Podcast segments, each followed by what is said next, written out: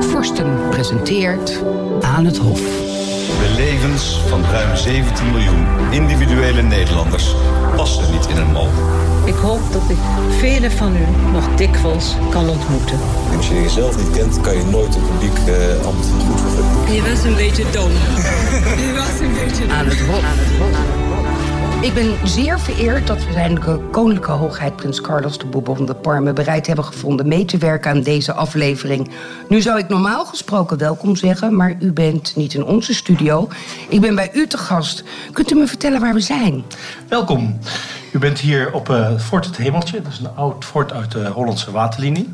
Die we gerestaureerd hebben. Uh, en waarin we 750 uh, vierkante meter hebben. Waar we allemaal duurzaamheidsinitiatieven huisvesten. En we is? Stichting Kompas. Uh, stichting Kompas is een stichting die ik opgericht heb toen ik terugkwam in Nederland. Ik kwam in, even nadenken, 2004, 2005 terug in Nederland uit Brussel. Toen ik daar al woonde. Waar ik nog woonde. En uh, vanaf het buitenland gekeken dacht ik dat Nederland echt heel erg vooruit liep op het vlak van, van duurzaamheid. Van wat ik allemaal hoorde komen vanaf, van, van buitenaf, dat nou, Nederland loopt echt voorop. Maar toen ik terugkwam, was ik enigszins uh, verrast dat de, de, het beeld dat ik had eigenlijk niet helemaal rijmde met de werkelijkheid. Verrast of gedesillusioneerd? Een klein beetje. En um, dus we dachten, nou, hoe ga ik dat oplossen? Um, want uh, dacht ik, nou, als ik nou een neutrale stichting opzet, want ik heb geen politieke kleur. Uh, ik ben niet een CEO van een groot bedrijf, dus ik heb geen uh, commerciële agenda.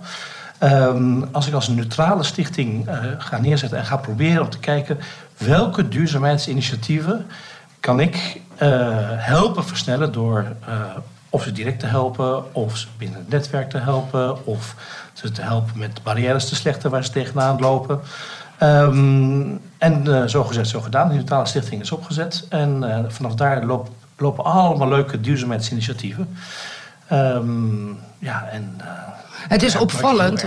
Toen ik hier kwam en ik geef het eerlijk toe, maar niet zo'n duurzame leaseauto hier parkeerde, zag ik wel allemaal elektrische auto, ja. eh, laadpalen.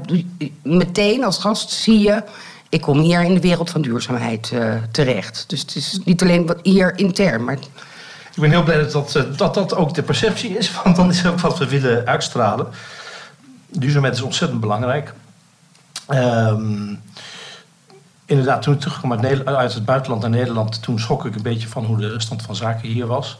En um, niet dat er een onwelwillendheid was, absoluut niet. Um, maar sinds ik terugkwam is het wel heel erg uh, goed in de verstelling geraakt. Ik weet nog dat um, ja, Nederland, toen ik begon over duurzaamheid te praten, dan schoof iedereen dat in het hoekje van milieu, van de geitenwolle sokken. En uh, dat is nu wel heel erg anders. Um, tegenwoordig, uh, elk groot bedrijf, elke multinational, uh, en ook heel veel in het MKB, iedereen heeft het er nu ook op directieniveau gewoon over duurzaamheid. En dan is het in plaats van in de periferie van een bedrijf gekomen, naar de kern van het bedrijf gekomen in heel veel van deze bedrijven. En degenen die dat doen, um, zie je dat de mensen daar blijer zijn die daar werken. Ze kunnen op feest en partijen beter uitleggen wat ze doen. Um, dat, de, dat, in, uh, dat ze toekomstbestendiger zijn.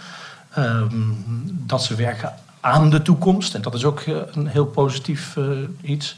En het was wel heel anders toen ik hier kwam. Dat was, ja, mensen zeiden van, Carlos, ja, in duurzaamheid, dat is, wat, wat, wat doe je daar? ga eens iets serieus doen. En, en nu zie je dat die mentaliteit totaal is, is, is omge, omgewaaid. Duurzaamheid zit enorm sterk natuurlijk in uw DNA. Ik wilde ja. het ook nog even over uw andere DNA hebben. Om zo meteen toch weer, want ik denk dat de cirkel vanzelf rond gaat worden. Het zal u verbazen, maar niet iedere podcastluisteraar is ook een lezer van Forsten. Verbaast mij nog altijd, in ieder geval.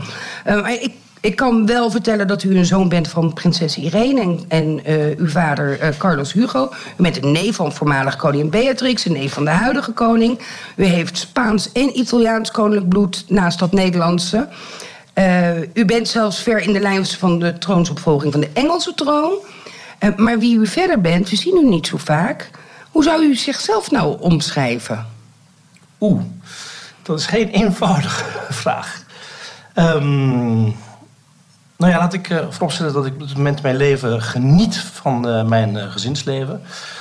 Um, Vader van drie kinderen? Ja, zeven, zes en drie jaar oud. Um, en ik voel me in mijn gezin, met mijn vrouw en onze kinderen echt het meest geborgen. Verder ben ik, naarmate ik ook ouder word, steeds meer gaan inzien dat wij de aarde te leen hebben van onze kinderen. En we dus heel goed moeten nadenken over de wijze waarop de wereld uh, voor, voor, hen gaan achterlaten. Dat is maar hebben dan die kinderen daarin u nog meer versterkt in dat idee? Nou, ik had het altijd al. Maar het is van, ver, van iets verder weg naar veel dichterbij gekomen. Als je die kleintjes ziet en, en ziet hoe, ja, hoe fragiel zo'n zo'n klein kind is. En hoe uh, luchtvervuiling uh, al hun kan, kan aantasten in een stad ja, dan wordt het uh, in plaats van, ja, het is iets van overmorgen, het is, is naar iets van nu. Ik moet nu iets doen. Ja. Dus de drang om op dit uh, thema nog verder te spitsen en nog dieper in te gaan, is daarmee absoluut gegroeid, ja. Maar dan hoor ik dan, want ik vroeg u, u zelf te omschrijven. U bent dus een doener. Of een dromer. Of een... Uh, ja, nee, wacht. Je kan, als je, je kan niets doen als je niet een droom hebt. Hè? Dus dat is wel wat je motiveert. Dus de idealen. Uh, hoe jij uh, denkt de wereld achter te willen laten. Dat is mijn droom. Zo, hè, beter dan wat we nu gekregen hebben zelfs. Ja, dat motiveert me om in actie te komen. Als, uh, als ik zo vrij mag zijn, u uh, maakt op mij ook altijd een, een hele bescheiden indruk. Oh. Klopt dat beeld? Ja, Misschien zelfs wel een beetje verlegen. Nou ja, ik, ik, ik treed niet graag in de voorgrond op. Ik, uh, treed liever op inhoudelijk uh, vlak naar voren. En dat betekent dat ik met mensen echt serieuze uh, gesprekken en, en, ja, en, en, en, projecten wil doen. En ehm, ja, er zijn zo ontzettend veel mensen die zo ongelooflijke goede dingen doen. Het liefste wat ik doe is hun ondersteunen. Het is niet mijn project, maar het is hun project. En ik wil dat zij daar uh, ja, de eigenaarschap van houden. En ik ben heel erg beducht, dat, beducht op het feit dat ja, als het aan mij plakt, dat ze naar mij kijken. En niet naar die mooie mensen die al dit soort goede dingen doen. En is dan het feit dat u prins bent dan een, een voordeel of misschien juist wel een handicap als u andere mensen op het podium wil zetten om of andere projecten? Is het een handicap. Um, maar het, het, het, is niet, het is niet zozeer een handicap als een tegen. Maar ik moet er wel heel goed op letten uh, dat die titel niet in de, in de, ja, in de spaken rijdt. Dat is absoluut waar. Maar u zou ook kunnen denken van nou, ik gebruik het juist om, om dat waar ik in geloof en wat ik belangrijk vind, nog meer bij een groter publiek bekend te maken. Ja, en dat doe ik ook heel veel met lezingen, met uh, speeches, met uh, mensen bij elkaar brengen, rond de tafels uh, te initiëren. Ja, en daar, dan is het absoluut goed. Dan Mensen willen best wel één keer met mij spreken. zolang ik daar iets nuttigs neerzet of zeg. Maar als het onzin is, ja, dan is dat snel uh, natuurlijk afgelopen. Ja. En gewoon gelijk. Weet u nog wanneer u besefte dat u uh, een prins bent? Nee, dat is heel geleidelijk gegaan. Mijn vader had het nooit over. Uh, maar had het wel over de verantwoordelijkheid die wij als familie hadden. Daar ging het om. En langzaam maar zeker is dat besef gewoon naar binnen gekomen.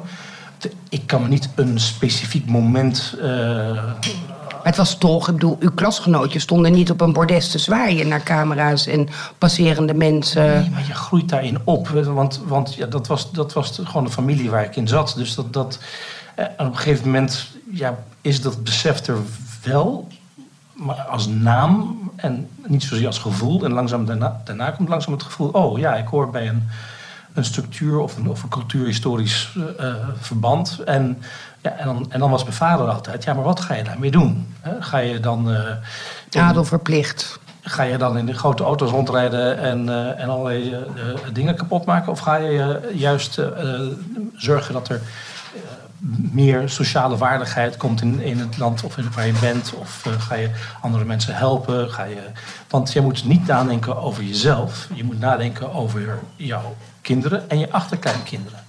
En voor hun moet je, moet je in het leven staan. Want maar dat dacht u niet toen u daar als, als klein jongetje met dat gestreepte truitje op het bordes stond. Mhm. Ik bedoel, ik had geen oma uh, die heel Nederland kende. Niemand wist wie mijn oma was en van u wisten ze dat wel. Ja. Ja, maar dat ging nogmaals, dat ging heel geleidelijk. En, eh, en het ging vooral om, eh, zeker mijn vader en mijn moeder, beide trouwens, eh, heel erg over de waardes en de waaroms eh, in dat, dat was. En niet, dus, en niet zozeer de, de, de naam of de titel. Nee, nee dan is dat natuurlijk binnen de familie ook geen issue, kan ik me voorstellen. Goed punt. Ja, ik, eh, ik kan me. Ja, nou ja, aan de andere Mijn, broertjes en zusjes zijn het ook. Dus, dus Ja, het- het was- maar, ja, maar u dat- bent dan ook nog de oudste van het gezin. En zeker gezien uw vaderslijn eh, brengt het natuurlijk nog een extra verantwoordelijkheid Ja. met zich mee... die uw zoon Carlos straks ook zal dragen. Ja, maar mijn broertjes en zusjes zijn ook eh, met dezelfde verantwoordelijkheidsgevoel en plichtsbesef naar anderen toe opgegroeid. Ja. En dat doen ze ook. Hè. Mijn zusje heeft voor de Verenigde Naties gewerkt. Ja. En, ehm, eh, en, en mijn broer zit nu bij, ook weer bij de Verenigde Vluchtelingen, Naties. Vluchtelingenopvang, Ja, de UNHCR. En ehm, ja, dat is toch wel... eh, eh, ja, dat is echt wel een, eh, iets wat, in de, wat we allemaal meegekregen en eh, als u de cv's van het gezin naast elkaar legt... eh, dan is duidelijk dat dat uit één nest komt, eh, bijna. ja. we hadden het net even over Soesdijk. Wat voor herinneringen? Ik kom er nog steeds heel graag. Het is een beetje mijn paleis. Dat is het natuurlijk onzin. Maar omdat ik er zo dichtbij woonde, voelt het nog steeds een beetje zo. Eh, wat voor herinnering heeft u aan het paleis? Ja, eigenlijk hele vrolijke en vreugdevolle herinneringen aan. Heb natuurlijk een tijdje gewoond. Ehm, ja, het was, het was de plek waar we allemaal samen kwamen, familiereunies, eh, rond de grootouders. Het was altijd echt eh, ook leuk om, om, om daar met neven en nichten te zijn. Heerlijk Eh, buiten spelen in ja, die prachtige bomen, tuin. Ja, ja, en schaatsen in de winter. Dat was, het was altijd heel positieve, leuke tijden. Daar heb ik echt alleen maar mooie herinneringen aan. Bent u nog wel eens terug geweest? Nee, eigenlijk niet. Ehm, nee, dat is gek, maar eh, na het overlijden van mijn grootvader was het gewoon eh, punt eh, uit. Ehm, Het is ontzield natuurlijk. De- dat is een beetje. het, een, een huis is ook waar je, waar je, je, je met je familie en waar je blijdschap hebt. Dat is, dat is wat, een- wat een huis is en niet een hoop stenen. Een hoop stenen Nee. is ja, ondergeschikt aan de mensen die erin, Ja. zitten. ja. Dus ja. Ja, nou, ik- het is nog steeds niet heel erg veranderd, kan ik u eh, eh, vertellen. Gelukkig. Ja, in, in Nederland bestaat het beeld, maar dat, komt, dat heeft waarschijnlijk toch een- ook nog een beetje met Soestdijk te maken en die eh Koninginnedagen destijds. Dat u nog steeds bij elkaar de deur plat loopt als koninklijke familie. Terwijl, nou, u zei het net al, eh, uw, zus eh, woont in het buitenland, uw broer woont in het buitenland. uw jongste zusje woont weliswaar wel in Nederland. Maar dan heb ik het alleen nog maar binnen het gezin. Maar binnen de familie is natuurlijk ook, ieder heeft zijn eigen weg. Hoe zit dat? Loopt u bij elkaar de deur plat? Of hebben jullie ook een, bijvoorbeeld een, een WhatsApp-groep met de familie? Dat ook. Ehm, maar dus wij dat elkaar echt wel regelmatig zien. Nee, absoluut. En, ehm, en zeker op sleutelmomenten eh, zijn we er voor elkaar. Recentelijk waren we weer bij elkaar bij, met het overlijden, door het overlijden van eh, mijn eh, lieve tante, prinses Christina. En dat voelt wel echt al heel vertrouwd, hè, dat we met elkaar daarin kunnen zijn. En hoe verschillend we soms van elkaar ook zijn. Ja, je bent toch, toch een eenheid. Eh, en dat geeft wel heel veel troost. Dat is echt... eh, u heeft ook eh, de koning gevraagd om peetvader te zijn van, van uw jongste, uw zoon Carlos. ja. Maar u heeft natuurlijk ook een gedeelde geschiedenis. U ging vaak met het gezin mee op vakantie. Eh, ik ken de foto's daar nog van. Ehm, met een geel t-shirtje had u volgens mij met iets bruins erop. Eh, maar ik kan me voorstellen dat dat ook wel... Dat u, omdat u die gedeelde herinneringen heeft... en tegelijkertijd eh, zichzelf kunt bij... misschien juist wel daar bij, binnen de familie... dat dat ook een soort van vertrouwde omgeving is daardoor. Ja, de, jeugd, eh, samen eh, jeugd delen, dat hebben we dus altijd gedaan, hè, met alle neven en nichten. Het een iets langer en wat meer dan de ander, maar ehm, we zijn met z'n allen wel eh, veel met elkaar geweest. En dat, ja, dat schept gewoon een band voor eeuwig. Terwijl u toch ook wel heel erg veel verhuisd bent. Hè? U heeft niet alleen in Nederland gewoond, maar ook in Spanje, Frankrijk, Engeland, Amerika. Was het niet lastig om uiteindelijk, eh, Brussel, u noemde het net ook al, eh, lastig om toch wortel dan hier te schieten? U was toch die familie Nee, elders? Want, nee, want de familie eh, heeft geen locatie hè, voor mij. Eh, als we elkaar maar zien. Dus of we nou elkaar in Italië zagen, of in Spanje zagen, of in Parijs zagen, of in gewoon zagen, ja, we zagen gewoon een familie. En de plek maakte voor mij echt helemaal niet uit. En qua vrienden, ja, goede vrienden, dat blijft gewoon altijd. eh, vroeger moest je met per paard een post sturen. Tegenwoordig druk je op één knop en je, stuurt een e-mail aan de Ja. andere kant van de wereld. Dus dat was, eh, was best Dat makkelijk. is eigenlijk nu heel erg fijn met alle Ja. technologische mogelijkheden die er zijn. Dat u al veel FaceTime kunt laten zien. Kijk eens hoe groot mijn kinderen inmiddels zijn Ja. geworden. Maar goed, wortel heb ik hier ook wel geschoten. En het tweede was ook dat mijn moeder er echt voor zorgde dat we per jaar wel echt een tijd in Nederland zaten. hè. Dus of een zomervakantie, of een wintervakantie, of een herfstvakantie. Ehm, en, eh, en dat Even quality time. el- elk jaar echt wel weer in Nederland. Eh, en dat, dus dan, dan wordt het een constante. En dat heeft absoluut gewerkt. En eh, ja, ik bedoel, zoals ik al zei, mijn gezin is werkelijk een warm nest. En Annemarie, daar ben ik echt heel erg dankbaar voor. Want ze heeft er echt voor gezorgd dat, ik, eh, dat alles goed eh, ruilt en zeilt. En ja, ja, in ons gezin daar ook echt thuis kom. Ja. Hoe gaat het met uw kinderen? Het gaat heel erg goed met de kinderen. Ze zijn erg blij op school. En, ehm, dus de, de oudste twee, want de, de jongste zit nog op de crash. En ehm, ik moet zeggen dat het ook heel erg leuk is dat eh, mijn, eh, vooral de oudste dochter, mij nu steeds ook weer wijst op dingen die ik niet duurzaam doe. Dat is, want ze is nu zeven. Zeven, Ja. En het is zo leuk om te zien hoe die generatie zegt. En kunt u een voorbeeld noemen?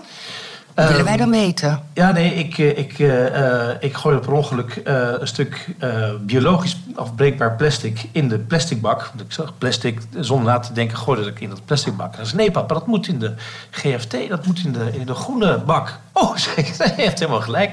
Het is zo leuk dat kinderen al op die leeftijd, of in ieder geval deze generatie, daarmee bezig zijn. En eh, dat vind ik ook zo leuk te zien dat het gebeurt. Want het was altijd mijn, eh, ja, mijn inspanning gaat juist over die nieuwe generaties. Hè? De, aarde, de aarde achterlaten eh, in een betere vorm dan we die gekregen hebben. En, ehm, en ja. U heeft dat ook van huis uit meegekregen. Van, het gaat erom wat u kunt betekenen voor de wereld en niet Ja. wie je bent in de wereld. Draagt u dat ook weer over aan uw kinderen? Ja, hè, dat, ik leg ze uit dat ze deel uit zijn van de natuur. Ehm, dat is een van de waarden die we constant blijven, op, op blijven hameren. En dat is echt een hele goeie. Eh, en net als mijn vader dat met mij heeft gedaan. Hè, wat, de, wat is de verantwoordelijkheid van een mens op deze aarde voor een ander? Ehm, Maar met zeven, vijf en twee, drie. drie is, is Carlos acht. Ja. Ja, gek genoeg. Je kan al op hele jonge leeftijd... kan je dat soort waarden beginnen spelende wijs... met het lezen van boekjes die daarover gaan. Ehm, als je een sprookje vertelt... hè, die sprookjes zijn fantastisch. Want dat zijn eigenlijk morele verhalen. Ehm, en dan heb je eh, een, een verhaal, een sprookje verteld... maar dan ga je daarna een beetje uitleggen waarom... Die eh, jongen die wolf, drie keer wolf roept, ehm, waarom dat zo werkt. En dat jij dat ook niet moet doen. Als je drie keer liegt, ja, dan, dan ga ik je de vierde keer niet geloven. En daar heb je het er nou over aan tafel. ehm, en dan kan je best vroeg al dit soort waardes eh, ja, tussen de oren krijgen van, eh, van mensen. Kent u het boek Dr. Vinnie? Ja, Dat is, ik zou u met u, dat, dat heb ik met Ja. mijn kinderen, aan mijn kinderen voorgelezen. Ja, ik Uw oudste zo. ja, absoluut. Ja, en het is een ontzettend leuk boek. Dus, ehm, En het nodigt uit tot gesprek. en dat is het hele punt. Die, dat dialoog met de kinderen. Je moet eigen kinderen... eh, heel- ik- dat heb ik ook ge- geleerd of gevoeld. Kinderen moet je niet, niet... Je moet... Natuurlijk zijn kinderen, maar je kan met ze spreken alsof ze volwassen mensen zijn. Je moet wel een beetje op je taal eh, letten. eh, en, en, en de taal misschien op eh, dat niveau van, van de leeftijd brengen. Maar de inhoud hoeft helemaal niet kinderlijk te zijn. Nee, we noemden net Dr. Vinnie. eh, dat is een boek geschreven door prinses Laurentien. Ze heeft de raad ook van kinderen. Ze- eh, kinderen kunnen juist ook wel heel goed als een spiegel. Ze kunnen fantastische vragen stellen. Vragen die, die, soms bij, die ons allemaal soms zo ongelooflijk verrassen. En dat is juist heel erg leuk. Want dan ga je buiten je, ja, je hokje denken, buiten je bubbel denken. En die kinderen kunnen ons daar echt ontzettend leerzaam voor ons eh, in zijn. Uw oudste lijkt veel op u, hè? Maar, maar Carlos ook. Ja, Als Carlos, als ik dan vroegere foto's zie, toen u die leeftijd had, zou ik bijna zeggen één op één.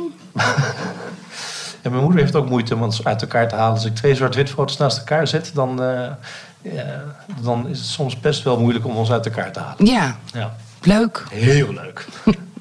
Ja, heerlijk.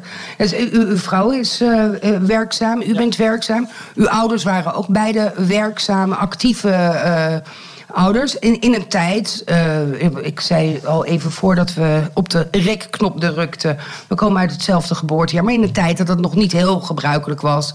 dat ook moeders zo actief waren... Eh, Daar heeft mijn moeder altijd voor gestreden. Ze is een feministische beweging in, eh, in Spanje begonnen.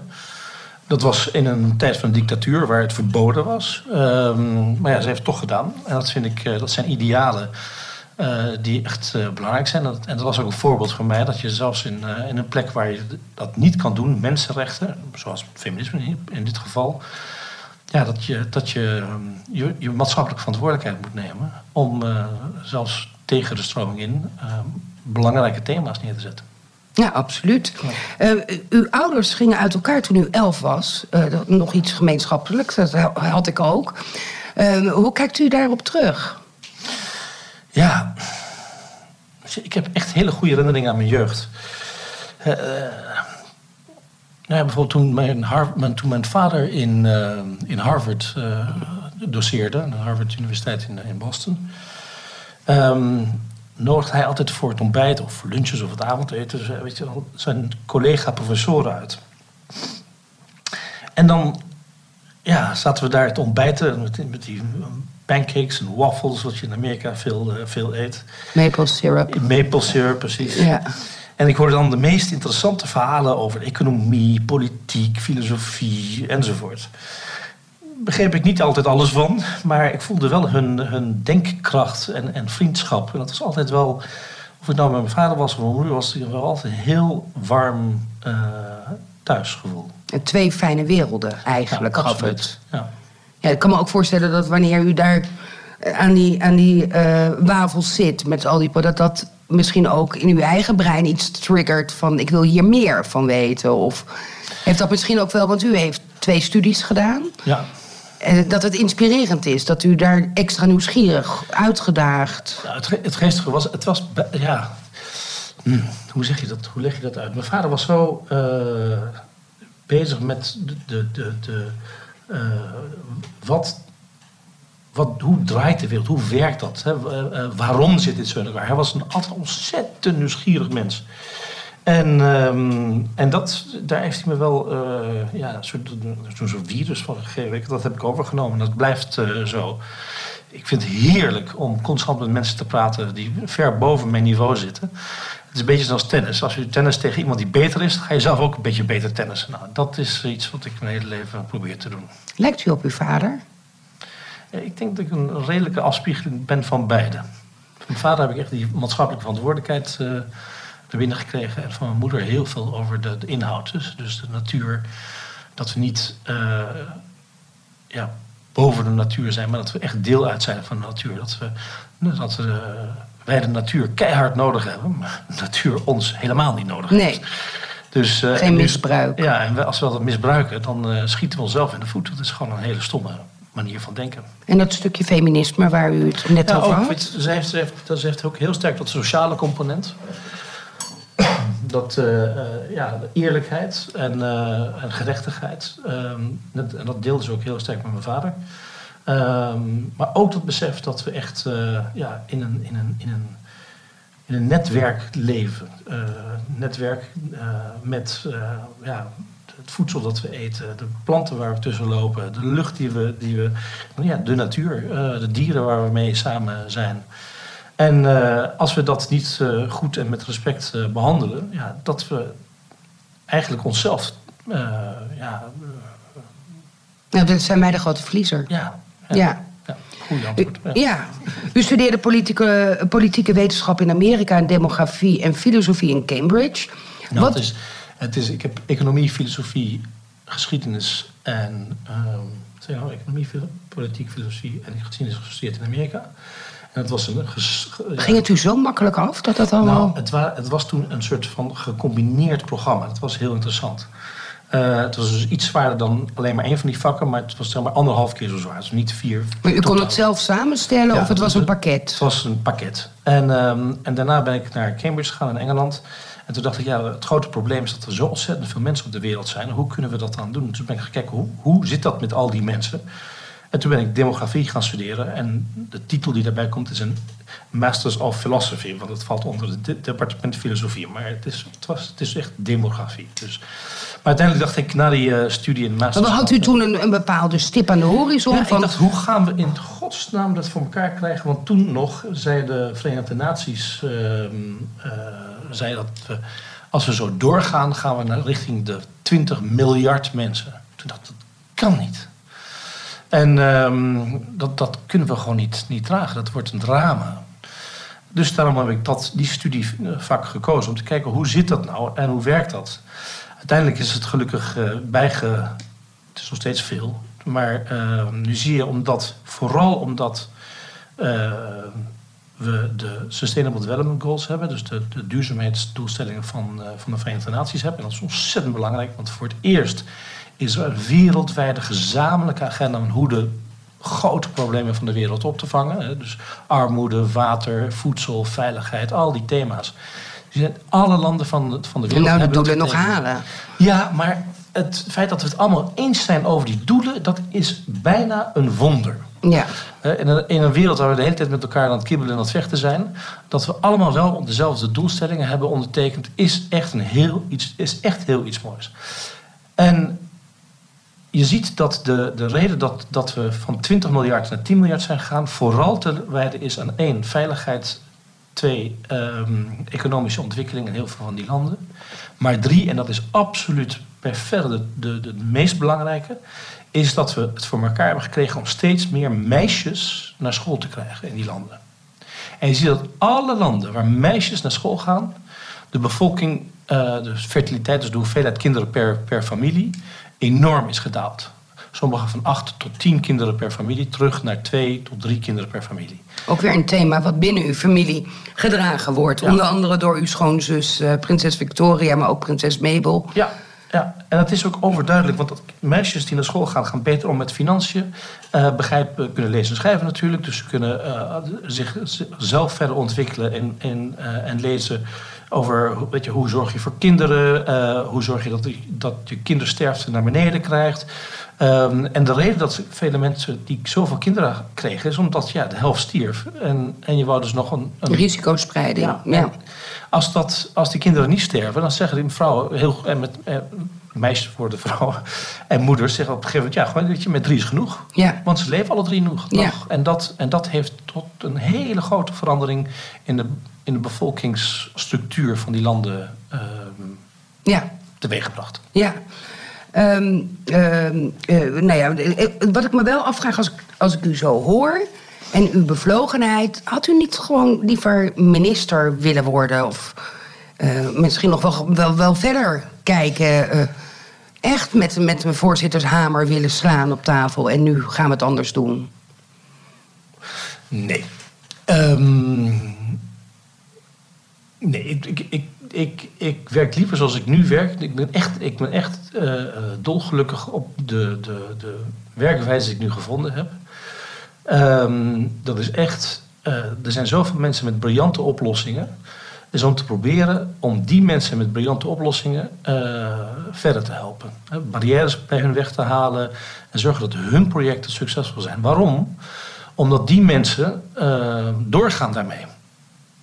U wil echt een aanmoedigende functie. Ja, en, en, en, en mogelijkmakende functie. Ehm, want stel dat ik één zo'n ding zou doen, dan, ehm, ja, dan ben ik mijn hele leven met een betere aardappel in de wereld te brengen. Nou, leuk. Eh, maar nu, als ik een, een betere aardappelenkweker kan helpen, dan gaat hij verder met die aardappelen. Dan kan ik weer iets anders gaan doen. En zo heb ik constant nieuwe projecten en nieuwe dingen. En dan kan ik veel breder, veel breder eh, die, die hele duurzaamheidsagenda aanjagen. En, eh, en ja, dat, is, dat, dat, dat past bij mij. Ik vind het echt fantastisch om te zien dat u echt helemaal.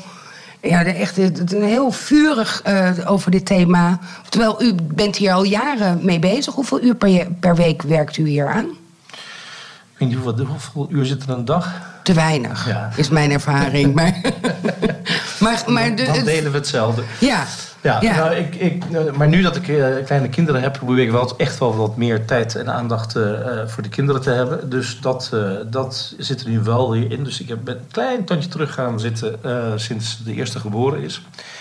Maar alle rest van de tijd gaat hierin. Want het is een passie, het is niet werk. Hè. Dus, dus het is niet dat ik van 9 tot 5 ehm, en dan naar huis. Bij mij, Het is ook een mindset. ja, het het is, een, het is een manier van leven. Het is, Ja. het is een, ja, dus, Ja. dus daar, is niet, daar, daar kan ik geen uren aan plakken. nee.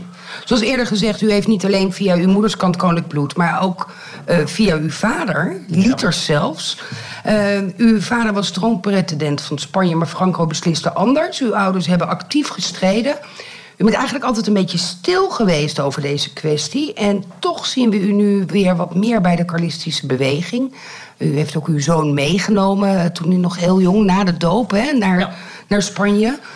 Om hem even te introduceren aan de, aan de Spanjaarden. Ja. Je mocht hem ook even zien.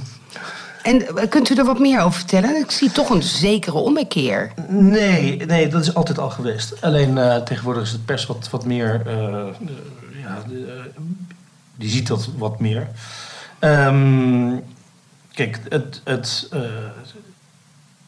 mijn vader was, eh, eh, was in, in Spanje omdat hij de Carlistische beweging omgetoverd heeft tot een linkse eh, socialistische politieke partij. En wij waren daarmee ook de, bijna de enige politieke oppositie tegen Franco. Mijn vader vond het belachelijk ehm, dat in Europa na de Tweede Wereldoorlog ehm, een dictator zat. Hij, zegt, hij kon het niet verkroppen. Dus hij wou echt dat er een democratisch systeem in Spanje zou komen. En daar heeft hij voor gevochten. Daar is natuurlijk heel veel eh, tegenbeweging tegengekomen. Ehm het is beticht dat hij rechts zou zijn, maar dat was hij helemaal niet. Eh, dat hij fascist zou zijn, nou hele, al, dat al helemaal niet.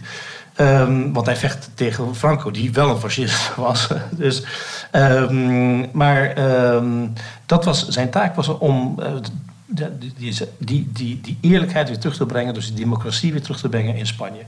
En daar heeft hij ontzettend hard voor gevochten. En uw moeder ook. En mijn moeder ook, ja, nee, absoluut. En, ehm, en dat is waar, als de dictator niet voor de andere tak van de Bourbons had gekozen, dan was mijn vader eh, en niet Juan Carlos koning van, eh, van Spanje geweest. En nu u dan. Dan was u nu koning van Spanje. Ja, dus. eh, Ja, u praat er snel overheen, maar dat was dan de situatie geweest. Maar ik maak geen actief aanspraak op de Spaanse troon. Maar er zijn natuurlijk eh, rechten die, eh, die niet door mij zijn gegeven, maar door het Spaanse volk zijn gegeven. En die kan ik niet afdoen of uitdoen. Nee. En Dat, is, dat, is, dat is hun keuze, niet de mijne. Nee. Ja. Nee, en, eh, bent u veel in Spanje? Eh, nog niet. eh, ja, ik, ik zou graag veel meer daar zijn. Maar mijn werk en mijn familie vind ik eigenlijk. het, ja, die, die nemen gewoon zo ontzettend veel heerlijk, heerlijk veel tijd in. Hè, want het is leuk om met ze te zijn. Maar wanneer kan, dan doe ik dat graag. En ja, zo niet, dan. ja, dat is, Zo, u spreekt je- ook vloeiend Spaans, hè? Ja. En eh, ik, was, ik, ik was aanwezig bij de doop van, eh, van uw zoon in, eh, in Parma. En ik eh, verbeeld me dat ik enorm Italiaans spreek... maar ik ben echt een, een boerentrien vergeleken bij wat u... Hoe leert u dat allemaal zo makkelijk? Oef, ehm, ja. Zit u een LOE? Be- Begint u met een, is dat van jongs af aan? Eh, kijkt u ook Rai Uno? Eh, eh, eh, ja, ik kijk wel ook Radio Uno. Ehm, ik lees de, de Italiaanse kranten af en toe. Niet veel hoor. Dus, één of twee keer per maand. Ehm, maar wat vooral... eh, ja, het begon met vakanties. Maar het was Frans en Spaans spreken. Dan maakt het veel makkelijker om het Italiaans over te nemen. En ik moet zeggen... De Italianen zijn ook daarin een heel leuk volk. Want als je je best doet om je verstaanbaar te maken in hun eh, moedertaal... dan doen ze echt hun best Zeker als u blond bent, weet dan doen ik. ze echt hun best om. eh, dat vinden ze leuk. Hè? Dus, dus eigenlijk word je dan ook aangemoedigd om dat beter te doen. En dat is heel langzaam, maar zeker leer je dat. Maar en op welke leeftijd leerde u Spaans en op welke leeftijd Italiaans? Eh, Spaans, Frans, Nederlands, allemaal tegelijkertijd. Dus vanaf, vanaf, vanaf klein kind, vanaf baby. Ehm, Engels is wat later gekomen, ook acht of negen jaar oud. Eh, en Italiaans, ja, met vakanties begon dat al. Ja, ook eigenlijk best jong. Dus er is nog hoop voor me. Gewoon Absoluut. veel gaan. En geeft u het ook door aan eh, de fotograaf is inmiddels binnen. We gaan natuurlijk ook een foto van u maken. Maar geeft u die talenknobbel ook weer door aan uw kinderen? Leren die dat nu ook al doen? Ik doe mijn best. Ehm, het is makkelijker in mijn eh, geval geweest, want eh, we leefden in, in Parijs de eerste zeven jaar. Eh, toen Spanje een paar jaar. Ja, dus u kreeg het ook op school Dus, mee. Ja, dus dat was wat makkelijker. De, ik, ik weet niet wat mijn volgende jaren waar ik ga zitten eh, in Europa. Maar ehm, dat maakt het wel wat makkelijker. Maar ik ga absoluut mijn best doen dat kinderen dat meenemen. Want het is wel heel erg fijn om ehm, ja, op, op die manier met, met, met mensen te kunnen communiceren. Eh, u heeft het al een aantal keer over uw echtgenote gehad, prinses Annemarie. Eh u bent bijna tien jaar getrouwd. U Staat, ja, staat u daarbij stil? Viert u dat nog steeds? Of viert u iedere dag de liefde? Hoe? Nou, ik ben ontzettend blij met, eh, met mijn vrouw. Echt, ehm, als gezin hè, eh, en als stel, iedere dag zijn we echt blij met elkaar. En zij is ongelooflijke ondersteuning voor eh, mijn werk en mijn zijn. En dat is, dat is iets heel bijzonders. en het warme nest, wat u eerder Ja. zei. En ze is een ongelooflijk goede organisator van alles en nog wat. Dus dat is ook heel, heel blij. Ehm, ja, eh, Maar wat gaat u op die dag doen als u tien jaar getrouwd bent?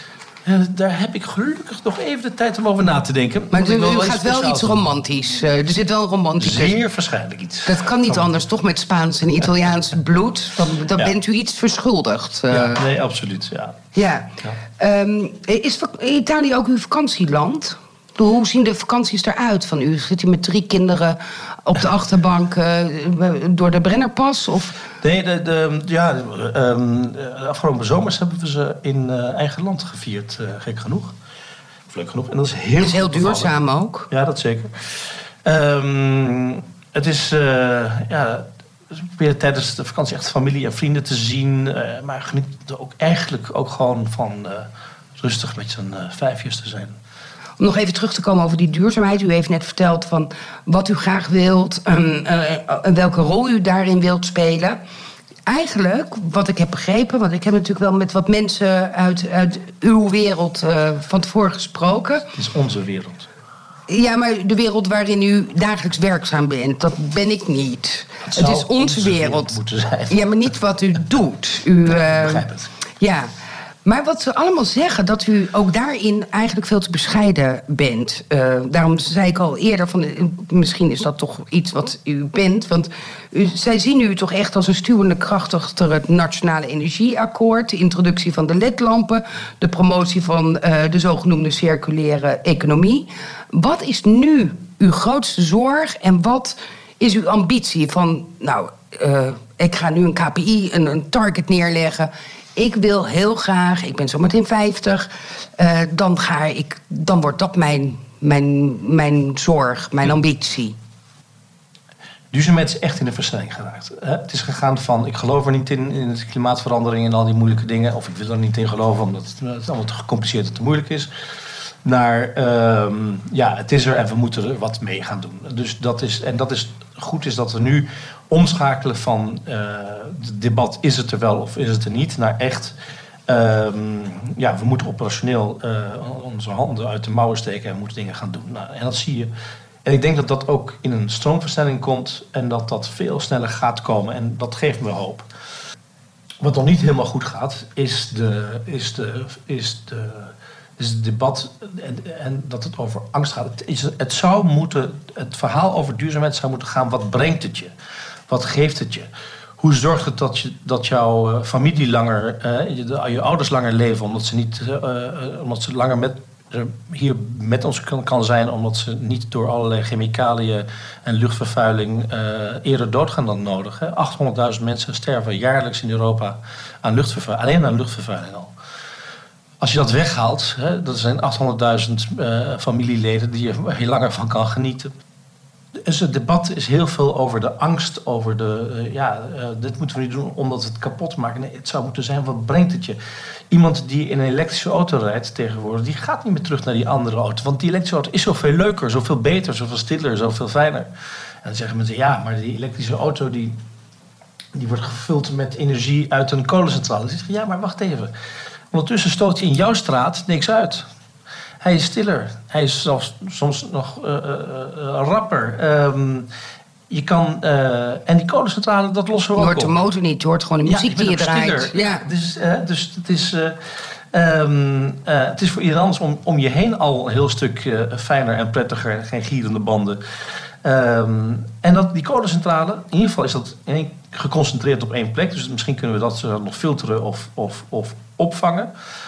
Of lossen we het op. Maar anders gaan we de kip het ei verhaal nooit eh, oplossen. Dus ja, dat soort, dat soort dingen moet gewoon gebeuren. Dus dat is wat een beetje wat nog niet goed gaat. Is Dus dat nog meer de dialoog eigenlijk, en- zegt u en- ook. en wat voor positiefs een schone eh, wereldje kan brengen. Hè? Wat voor betere scholen je daarmee kan hebben. Wat voor een eerlijker, beter voedsel, gezonder voedsel kan hebben. Eh, waar geen eh, pesticiden in zitten en, eh, en hormoon eh, aan, chemicaliën aan plakken. Kankerverwekkend. En nog weer meer mensen die precies. langer Dus- onder ons kunnen blijven. Ja, en, ehm, eh, en, en, en ook eerlijker. Want wat is nu het probleem met, met het hele voedsel? Is dat de slechte calorieën, die zijn het goedkoopste. Dat betekent dat de zwakkere mensen in deze maatschappij twee keer geraakt worden. En ze, eh, eh, ze worden eh, eerder ziek, dik. We hebben die obesitasproblematiek. Eh, dus ze, worden, ze krijgen twee klappen daardoor. Dat is gewoon ontzettend oneerlijk. Dat, dat moet niet kunnen. Dat vind ik gewoon totaal onacceptabel. Anyway, dus dat is wat niet goed gaat. Wat wel goed gaat, is dat het bewustzijn is eindelijk... Ik denk dat, dat we daarin zitten en dat we echt naar oplossingen aan het zoeken zijn. En dat heel veel bedrijven, van klein tot groot... heel veel overheden, van klein tot groot... nu echt beginnen met... eh, en natuurlijk kan het sneller. En natuurlijk moet het ook sneller. En ik wil nog meer. Maar dat die omkeer in het denken er nu zit... Daar, dat geeft me enorm veel hoop. Ehm, wat, wat gaat hij doen in de volgende tijd? Nou, dat is een beetje wat ik nu al doe, maar meer gefocust op eigenlijk twee dingen.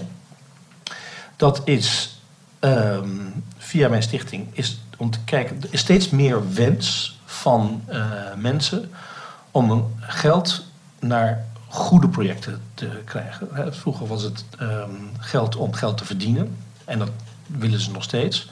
Maar nu liever niet met wapens en, en, en, eh, en, eh, en andere slechte dingen, kinderarbeid en zo, maar met, met goede dingen. Dus het steeds meer mensen willen naar groene investeringen, naar duurzame investeringen, naar beleggen in dat soort eh, eh, mogelijkheden.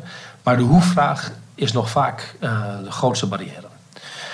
Ehm, dus in de komende tijd ga ik me nog echt concentreren om te zorgen dat die hoe-vraag ingevuld wordt.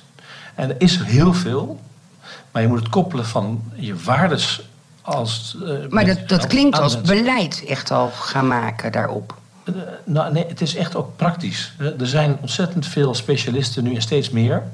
Eh, maar die zijn allemaal relatief klein. die echt heel goed je geld kunnen beleggen. je geld op een goede manier, op een, op een eerlijke, duurzame, sociaal wenselijke manier kunnen investeren voor je. En hoe meer geld er naartoe gaat, hoe meer dat ook positief is voor iedereen. Hè? Ja. Ehm, want we willen niet dat de slechte bedrijven in de wereld gefinancierd worden. We willen juist dat de goede bedrijven in de wereld gefinancierd, gefinancierd worden. Die bedrijven die met oplossingen komen voor armoede, die oplossingen komen voor schoon water, die oplossingen met oplossingen komen voor gezond voedsel. Die bedrijven moeten het geld krijgen. Ehm, want bedrijven hebben een enorme goede positieve slagkracht om dingen echt te veranderen. En dat, je- er is wel een verschuiving, maar dat gaat nog wel heel langzaam. Ja, maar hoe meer geld daar naartoe gaat, hoe sneller dat gaat. U weet het, net zoals geld ehm, eh, was een middel, is nu een doel geworden. En dat vind, ik dat vind ik echt heel erg jammer. Hè. Geld was een middel om onze economie te kunnen eh, draaien, om goed eten te kunnen kopen, om naar school te kunnen gaan. En nu is het een doel op zich geworden. We moeten geld verdienen, we moeten groeien. Als we weer dat geld weer eh, in plaats van als doel, weer als middel gaan gebruiken om de verandering in deze maatschappij voor elkaar te krijgen, namelijk een beter, gelukkigere ehm, systeem, daar zet ik me echt wel voor in. Want het is niet de nieuwe auto die je koopt waar je blij van wordt. Ja, een weekje en zo, maar daarna eh, kom je terug in de waan van de dag. De economie moet er zijn om je gelukkiger te maken. Dat, en eh, je met gezonde, leuke, positieve dingen te, te geven. En niet om, de economie is er niet om geld te maken. En dat denk, dat die rare kronkel die er zo ingegroeid is in de laatste jaren, of tientallen jaren, ja, dat, dat, eh, dat moet weg van mij. Eh, ik wil liever Nee, dat je een behoorlijke wordt met je- uitdaging. met- ja, dat is het ook. Maar hoe meer, ik, ik, ik, ik, ik zeg niet dat het me gaat lukken om al het geld in de wereld naar die kant op te gaan. Maar hoe meer dat gebeurt, hoe, meer, hoe sneller die bedrijven eh, daar producten en diensten voor gaan ontwikkelen. En als dat eh, het geval is, ja, eh, hoop ik dat je na een tijdje, dat zie je bij alle maatschappijen, komt er een, een tipping point, een, een, omkeerpunt, waarin alle andere bedrijven zeggen, ho, het is succesvol voor bedrijf X en Y en Z. Nou, ik als bedrijf A, B en C ga het ook doen. Ja, dat het een domino-effect. Ja, waar ik wel weer moeite heb, is de mensen die dan 65 worden, dan, eh, en zeker mensen die in verantwoordelijkheidsposities zitten, ehm, dan 65 worden, in hun werkelijke carrière daar niet zo heel veel aan gedaan hebben, en dan mij eh, bellen, ja, Carlos, ik ben nu eh, met pensioen, wat gaan wij doen? Nou, ik zeg, jongen, maar dat is, vind ik een beetje laat, want je had het moeten doen toen je daar in die verantwoordelijkheidspositie zat. Dat is wel iets waar, die, dat ik moeilijk vind te verkroppen. Is dat dan een mooi cadeau? Dat mensen wat eerder gaan bedenken. Om... Ja, dat vind ik een heel mooi cadeau. Nou, dan doen we dat als cadeau. Ehm, ik wil u hartelijk danken voor uw eh, gastvrijheid in dit gesprek. Ehm, eh, eh, uw medewerking. Eh, ik vind het helemaal leuk, want ja, we- ik heb vroeger wel eens met u gespeeld in Soest op de Jachthuislaan. En nu zit ik samen met u eh, over duurzaamheid te praten. Het was toen een heel groen gebied en nu hebben we het over duurzaamheid achter de microfoon. Ehm, nogmaals, hartelijk dank. Eh, dit was de podcast eh, van Aan het Hof. Eh, en wij sluiten altijd af met het Wilhelmus. Maar u bent jarig, u mag kiezen. Vindt u het leuk om mijn Spaans, eh, perdóname, eh, wilt u horen Por Dios, por la patria y el rey? Of wilt u een ander lievelingslied horen? Of een ander lied, ik weet niet of dit het... Nee, Ik vind, ehm, we zijn nu hier heerlijk in Nederland. eh, ook met z'n allen, een hele familie. Laten we lekker het Wilhelmus tegen.